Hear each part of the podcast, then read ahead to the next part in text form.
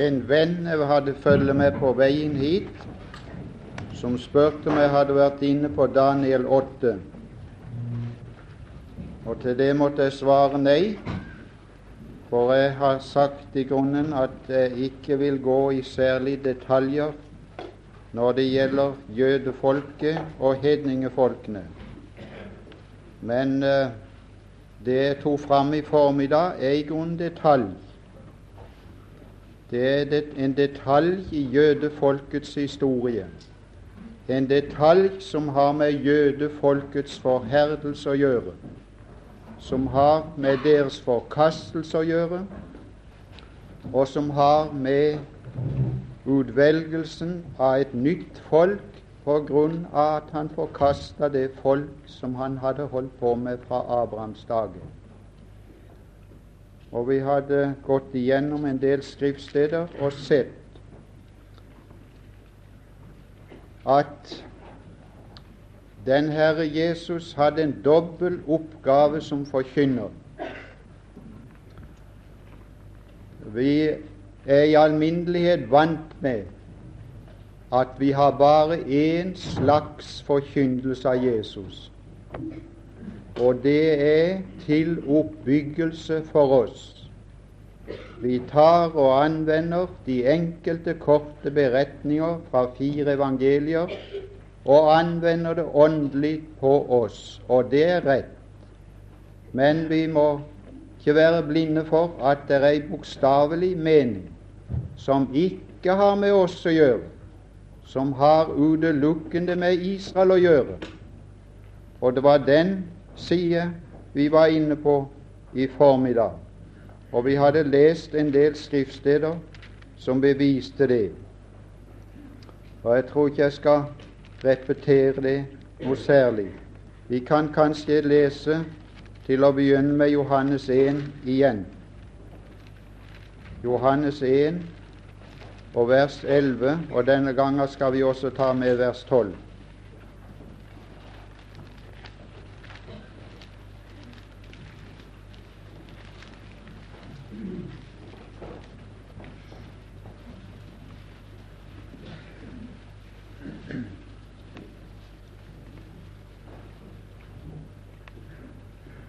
Johannes 1 og vers 11.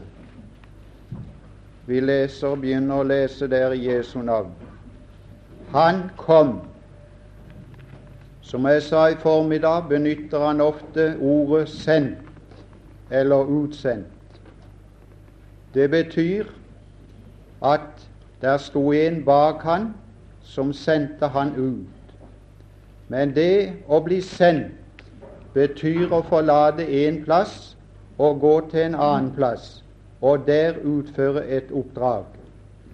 Og han sa, som vi leste fra Johannes 10, 36, vi skal bare repetere det utenat, han var sendt av Faderen fra himmelen, og stedet han skulle til, var verden. Det kan du ta i to betydninger. Det kan du ta som klode, og du kan ta det som menneskeverden. Han var sendt til en eneste klode i universet, denne vår klode. Og han var også sendt til menneskeverdenen. Og som jeg sa, han gikk forbi en verden som var falt. Han gikk forbi engleverdenen og kom til menneskeverdenen som vi hører til. Og her kom han til et bestemt sted. Det var ikke likegyldig hvor han kom til. Det skal vi lese her hvor han kom til. Plassen han kom til i denne verden. Han kom til Hva har du til? Han kom til sitt eget. Og resultatet kommer med i gang. Og hans egne, det er nasjonen. Der har du to ting. Der har du én ting, så har du vers 12 den andre ting. Det tok vi ikke i formiddag. Han kom til sitt eget. Det var Davids trone og alle løfter i forbindelse med Davids sønn. Og hans egne som nasjon tok ikke imot ham. Nå skal jeg lese et vers fra Isaias 49, 49,4. Dere kan bare holde på det skriftstedet, skal vi komme tilbake til det igjen. Skal vi komme til en uttalelse av den Herre Jesus når det gjelder Israel og hans arbeid med Israel som nasjon. Esaias 49 og vers 4.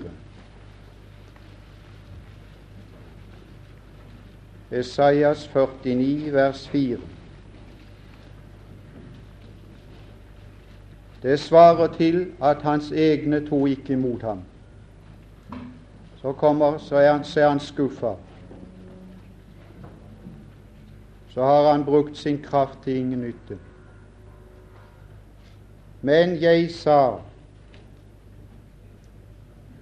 Hvem er den jeg? Se overskriften til, til kapittelet Messias. Men jeg sa forgjeves. Det svarer til kapittel 1, 11. Forgjeves. Forgjeves har jeg arbeidet meg trett. Til ingen nytte har jeg fortært min kraft. Hans egne tro ikke imot ham. Når det gjaldt hans arbeid med sitt folk som nasjon, var det til ingen nytte. Når det gjaldt hans arbeid med den enkelte, var det til nytte. Og det leser vi i vers 12. Vi går ifra Esaias.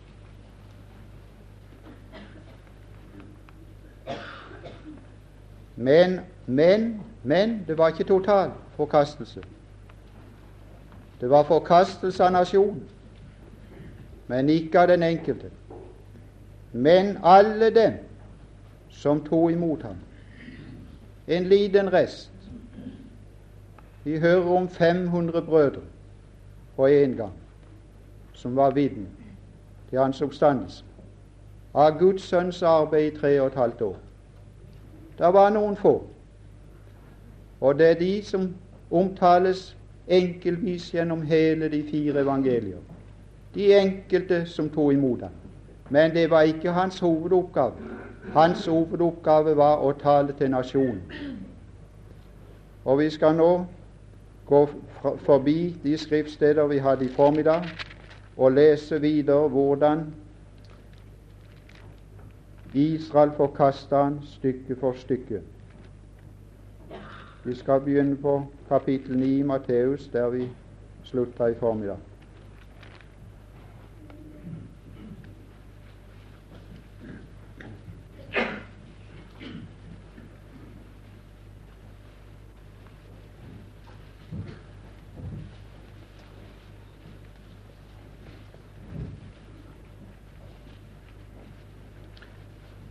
Kapittel 9 og vers 3. Nå ser vi hvordan de ledende av folket begynner å ta standpunkt imot ham. Og så øker det på med motstand ut igjennom til de får hele folket som folk med. Vi skal lese bare her i vers 3. Se, noen av de skriftlærde tenkte ved seg selv. Det er en første omtale av motstand. I vers 11 Og da fariseerne så det, sa de til hans disipler Nå kommer du til disiplene. Hvorfor eter eders mester med tolder og syndere. Lenger ute, 33, samme kapittel. Da den onde ånd var drevet ut, talte den stumme, og folk undret seg og sa Folket, folket på hans side. Folket på hans side, lange tider. Til og med etter pinse da folket på hans side. Folket undret seg og sa aldri har slikt vært sett i Israel. Men fariseerne sa det er vi de onde ånders fyrste Han driver de onde ånder ut. Det er motstand. Og slik økte det ut igjennom. Vi skal ta kapittel 15. Skal vi gå over til en lignelse. Kapittel 15 og vers 1.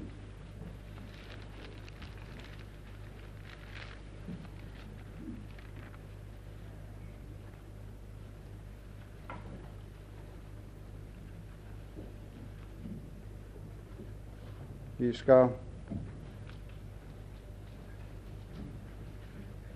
Der kommer han i en diskusjon. Vi taler titt om å ha gode møter. Jeg tror ikke Jesus hadde mange gode møter. Her er nesten ingen. Hvis det var et godt møte, så måtte det bare være med en alene, tror jeg. For hver gang han sa noe, så yppa de imot og diskuterte med ham. Og her kommer en voldsom diskusjon. Hvorfor bryter dine disipler de gamles vedtekt? De vasker jo ikke sine hender når de holder måltid. Men Jesus svarte dem. Kommer han i diskusjon. Og slik holder det på igjennom. Men mot slutten av sitt liv kommer han med advarende lignelser som viser de at folket som nasjon sto i fare og vi skal gå over til det. Vi skal ikke ta flere av de enkelte tilfellene. Og Nå leser vi 21 og fra vers 33 i Matteus.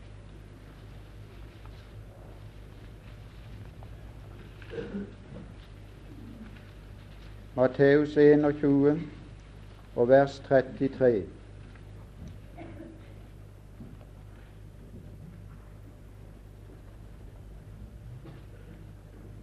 Dette er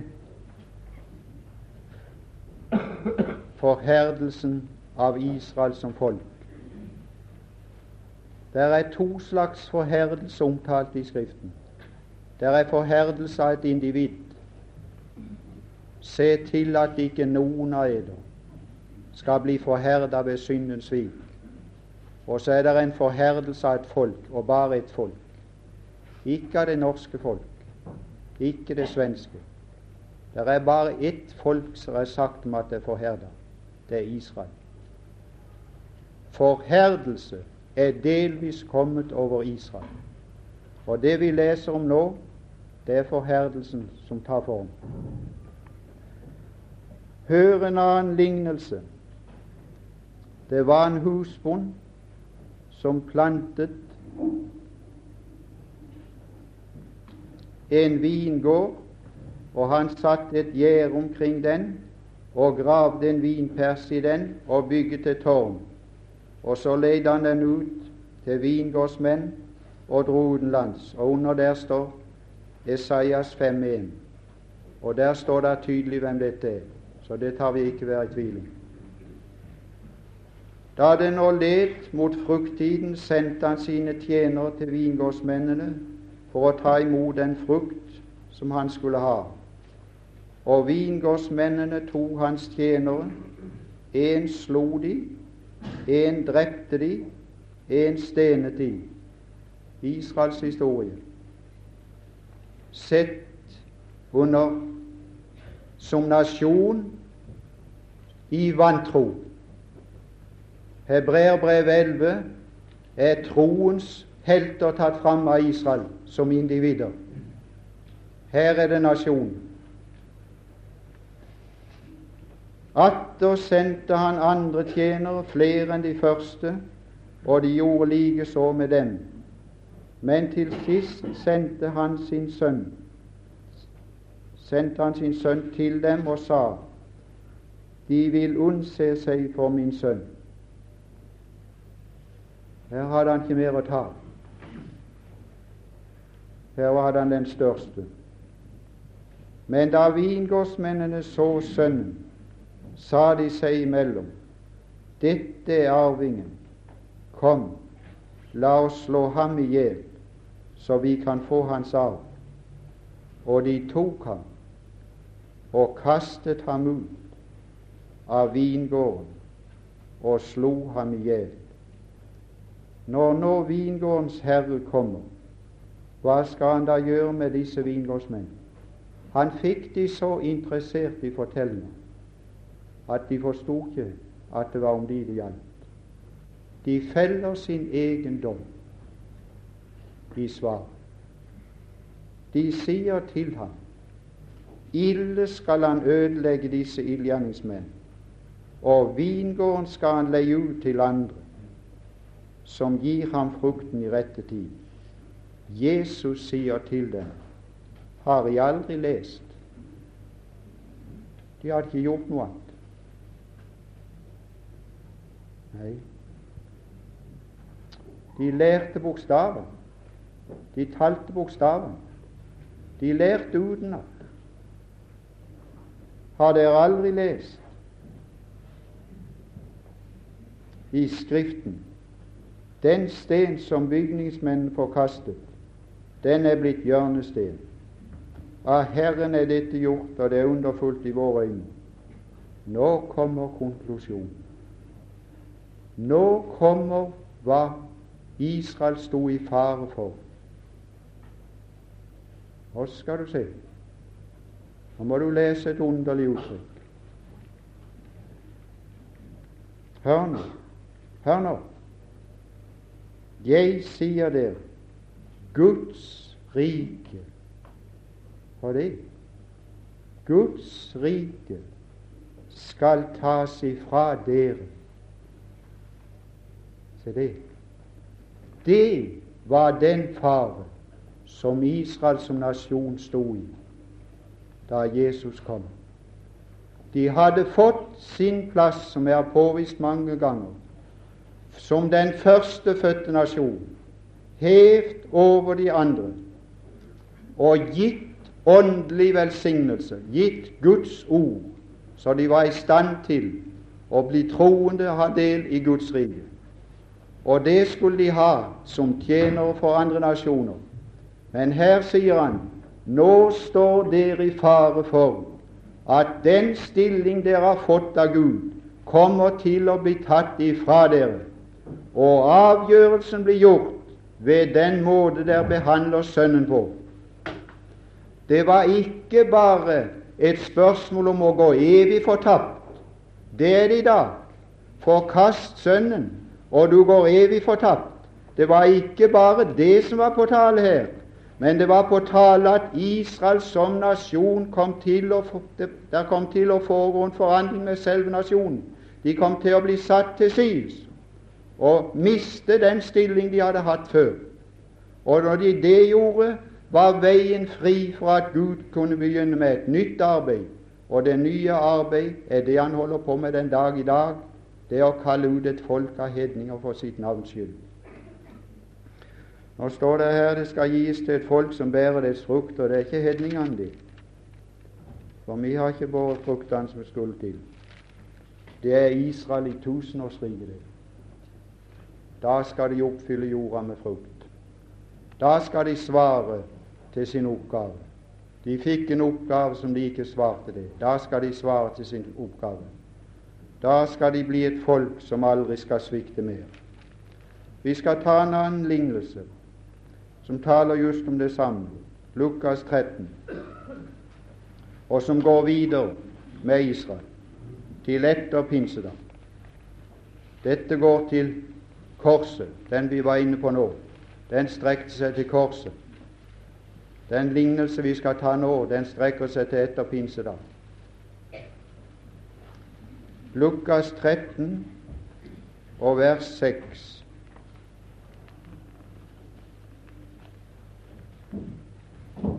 Lukas 13, 6.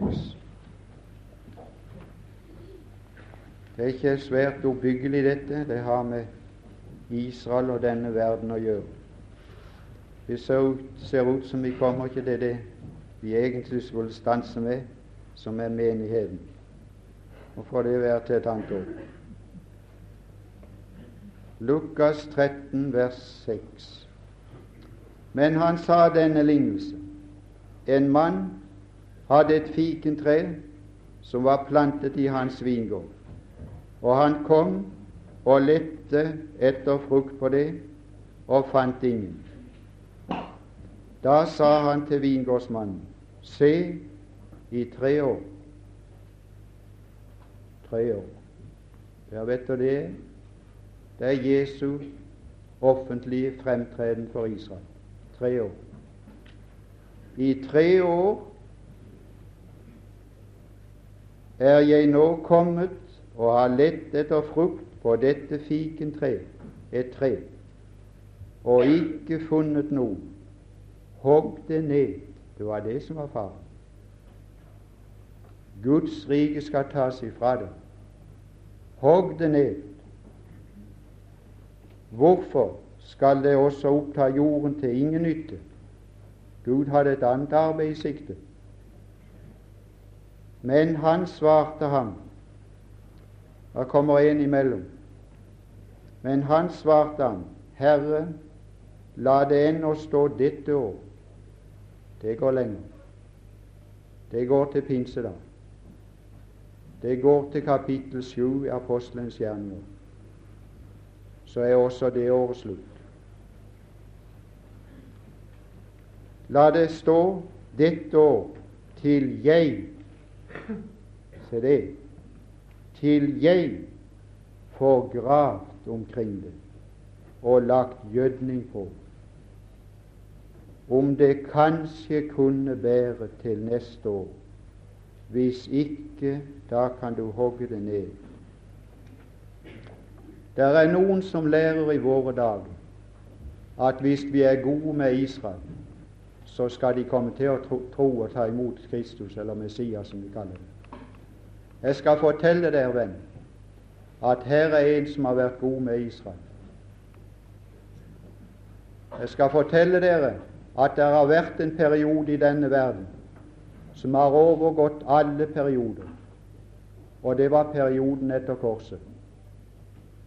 Det er aldri sett i denne verden en slik nåde imot et folk som der er sett ifra pinsedag utover.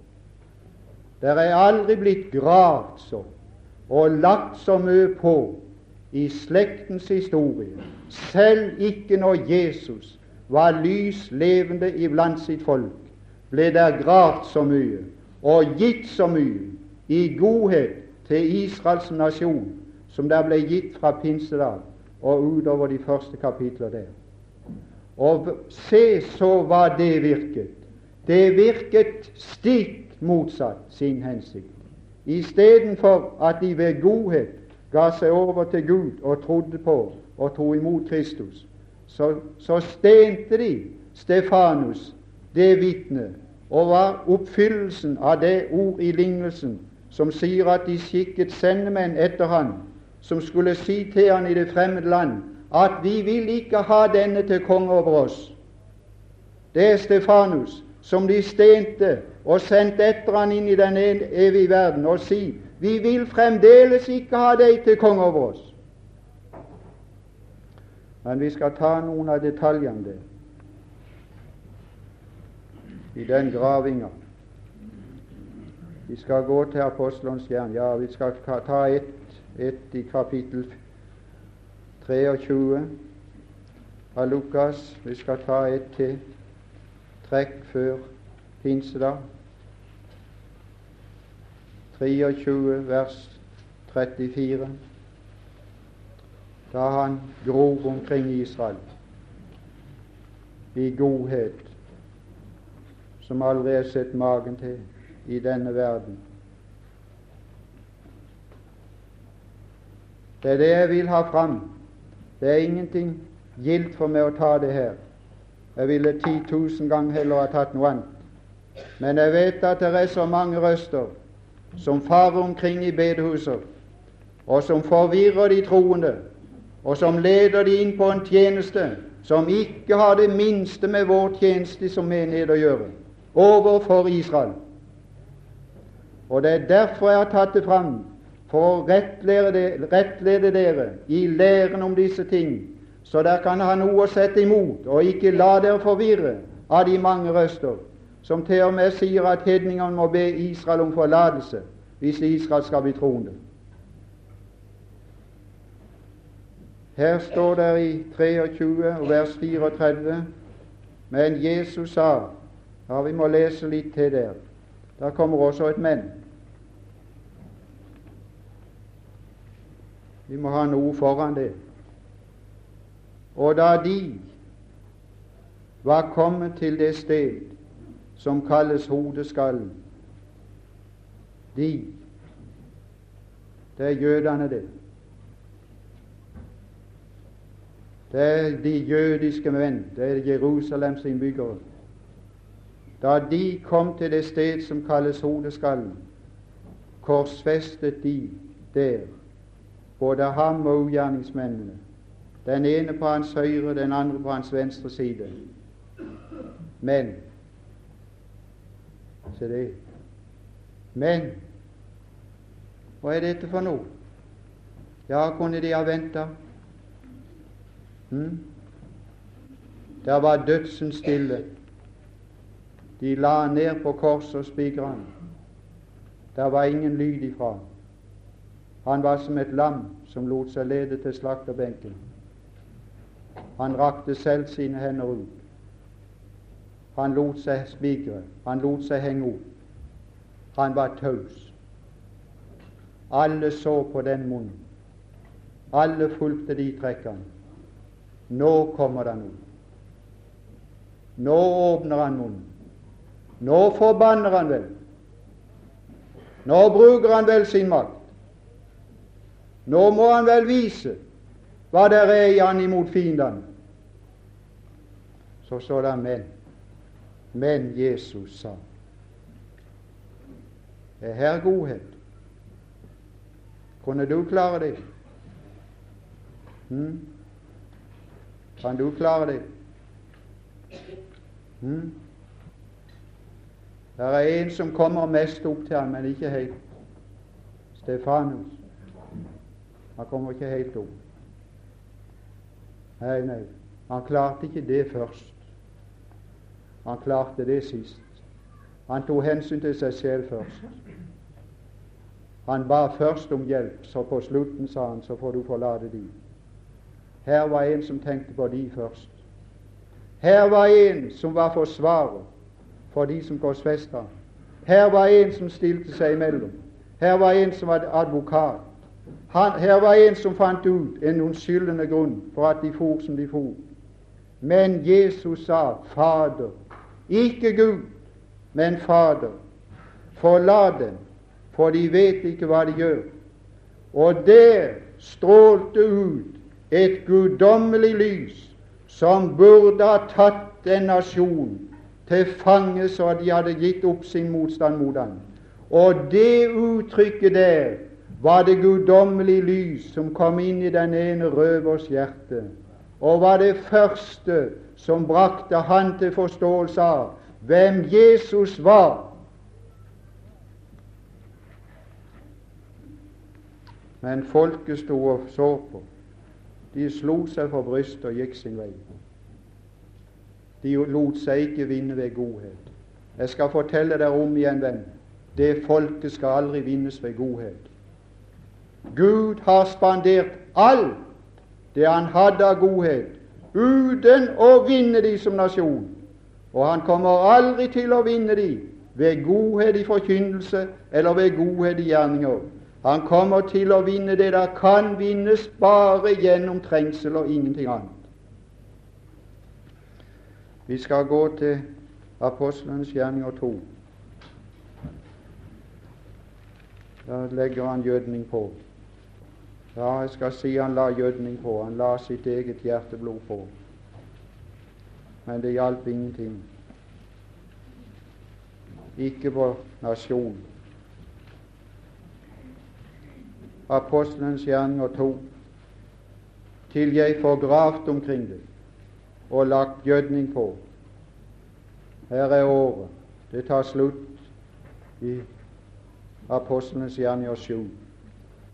Det er enda året da han graver her. Skal du se at han graver. Hvem er det som er her på tale? Og på grunn er vi nå bare i, bare i Palestina. Ingen andre plasser. Vi må endelig lese Bibelen som det står. Så får du forståelse av Jehen og det vi er opptatt med, og det apostelen er opptatt med. Hvem han er opptatt med. Ikke med hedninger, ikke med menigheten, bare med jødefolk. Og står det her i vers 22 Vi har ikke tid til å ta alt det her vidunderlige som skjedde her. Lyden fra himmelen, tunger som viser Hvem er det som er her på tale? Og på grunn er vi nå bare i, bare i Palestina. Ingen andre plasser. Vi må endelig lese Bibelen som det står. Så får du forståelse av Jehen og det vi er opptatt med, og det apostelen er opptatt med. Hvem han er opptatt med. Ikke med hedninger, ikke med menigheten, bare med jødefolk. Og står det her i vers 22 Vi har ikke tid til å ta alt det her vidunderlige som skjedde her. Lyden fra himmelen, tunger som viste seg, fremmede tungemål. Skal si, skal si av tegn som burde overbevise dem. Og alt sammen bare for jødefolkets skyld. Men vi skal lese i vers 22. Israelittiske menn. Så det, det er de han taler til. Det er de han har i tanken. Hør disse ord.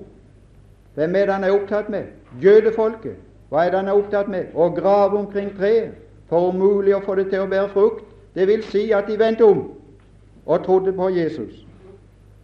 Jesus fra Nasaret, en mann som var blitt utpekt for eder.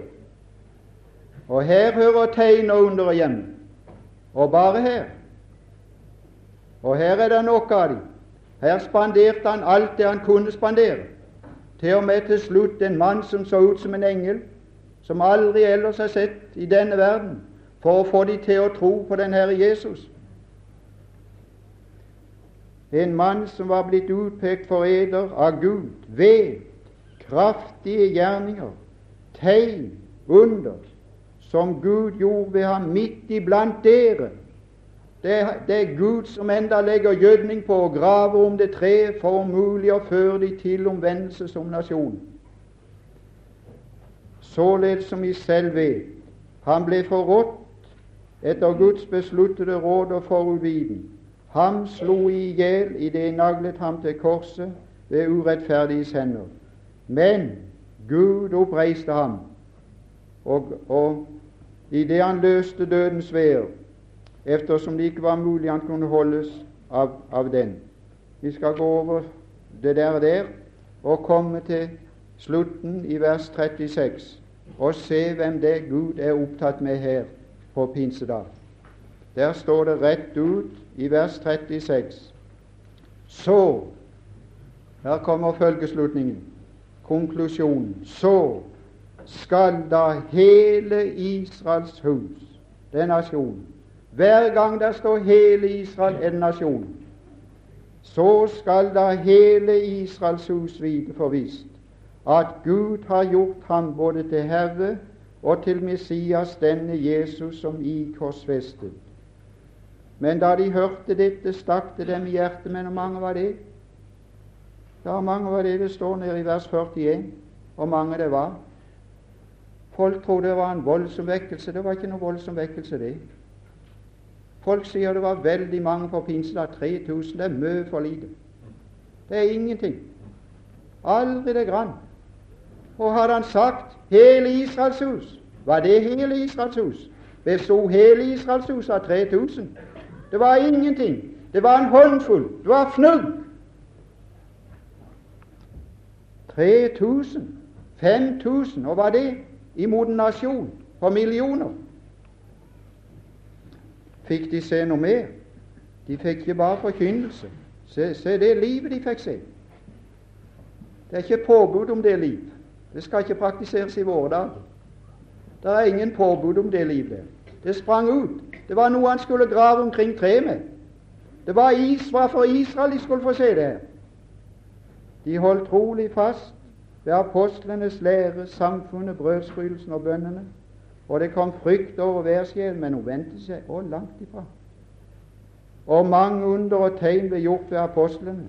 Alle de troende, skal si de fikk se et liv som var fylt av godhet. Til fingerspissene, til bredden fikk de se det. De hadde alt felles. Hør det, du. Her var liv å se. Her var egoismen forsvunnet.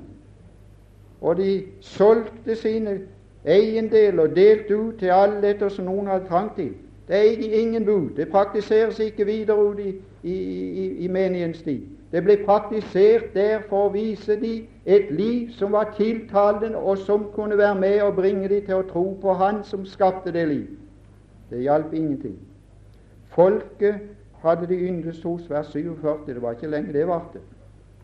Kapittel 3.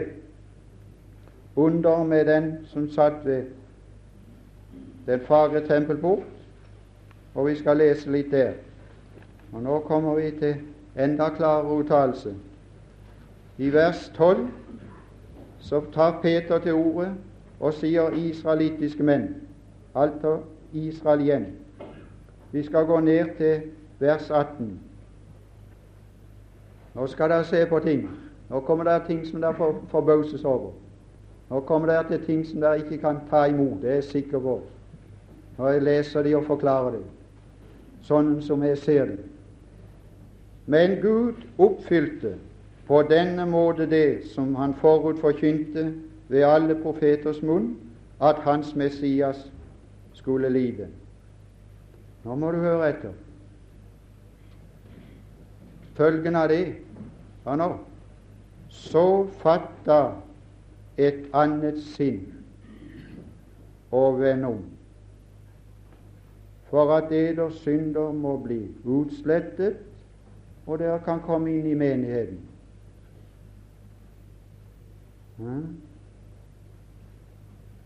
Nei, nei, du store ting. Og er det han lover dem hvis de vil omvende seg som nasjon? Hæ? Hører du det? Og det han lover dem? Han lover dem tusenårsriket. Ja, det kan du lide på han gjør.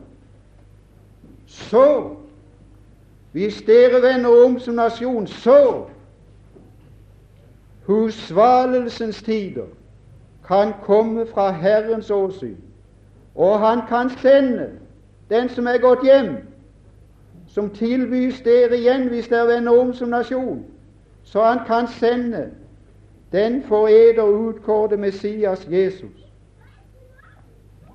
Ja. Sånn, så langt gikk Gud. Og lovte de Jesus på flekken hvis de ville vende om som nasjon.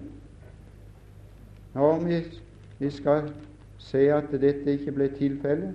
Folket var nok interessert. Der står en hel del om hvordan det skal bli da når Han kommer. Himmelen skal huse inntil de tider da alt det blir gjenopprettet, som Gud har talt om ved sine hellige profeters munn fra eldgamle dager av.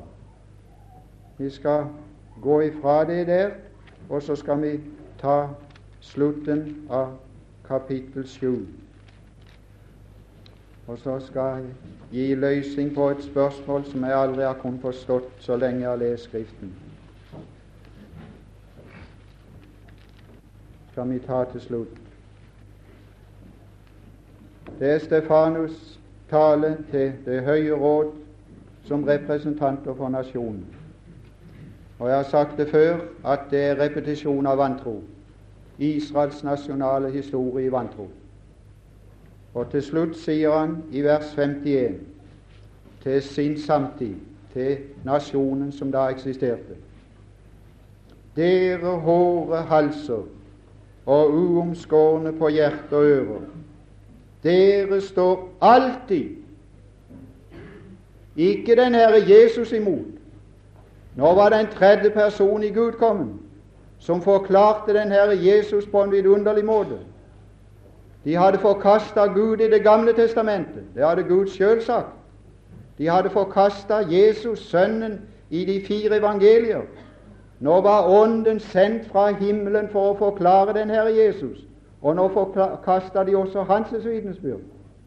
Dere står alltid Den hellige ånd imot, som eders fedre så i. Hvem av profetene forfulgte ikke eders fedre? De drepte dem som forut forkynte at den rettferdige skulle komme.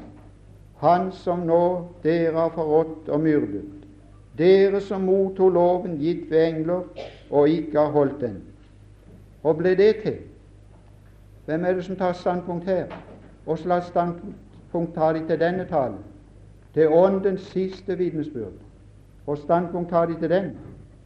Da de hørte dette, stakk det dem i deres hjerter, og de skar tenner.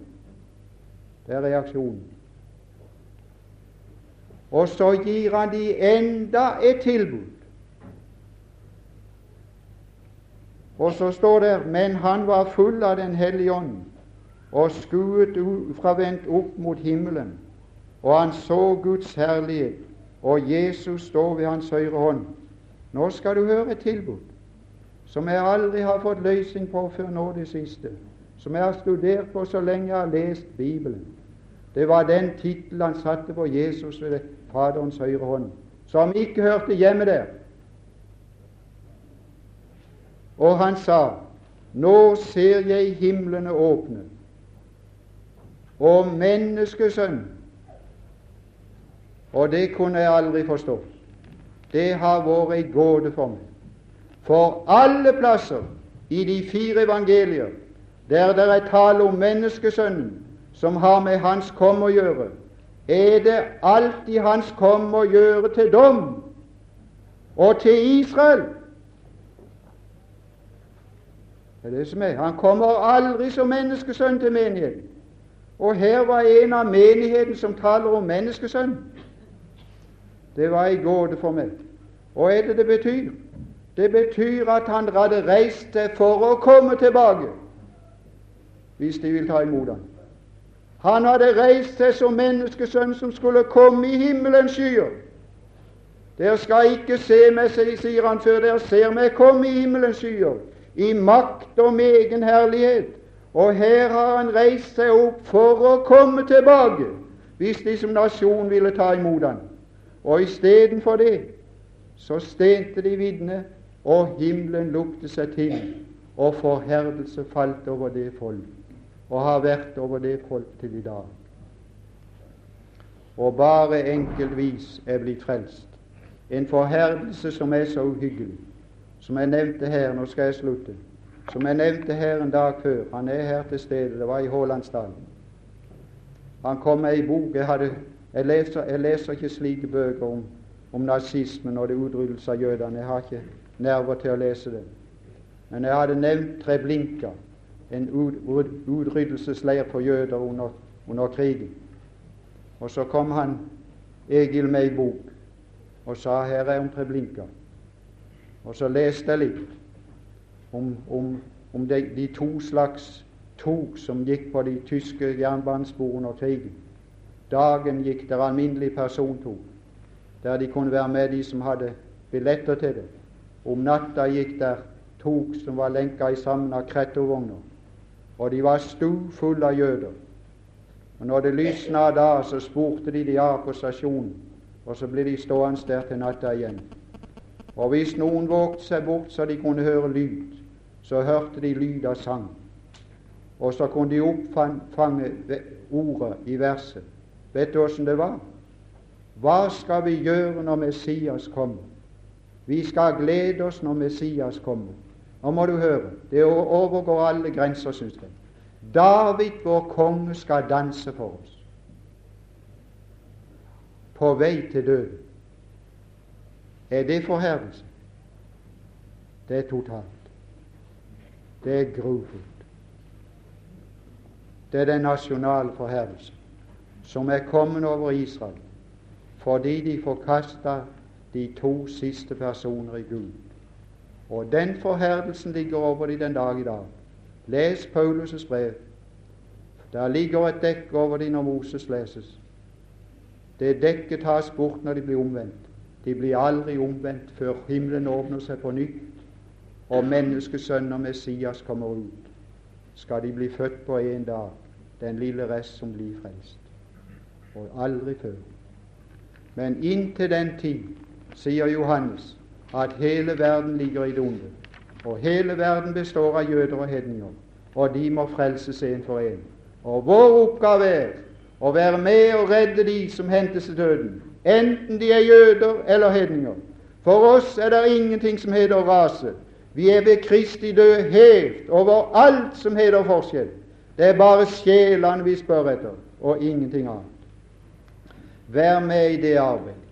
La dere ikke lokke til å være med og investere i Palestina. Der lokkes med å investere penger i Palestina, for der kommer Antikrist ikke til å røre. Du skal se, de som investerer der, investerer for Antikrist, for det er der han kommer til å herske. Det blir mindre av hans virksomhet utover, og slett ikke her hos oss.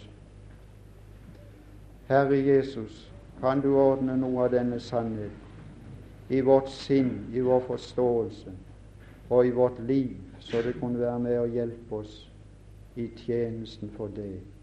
Hør oss du i Jesu navn. Amen.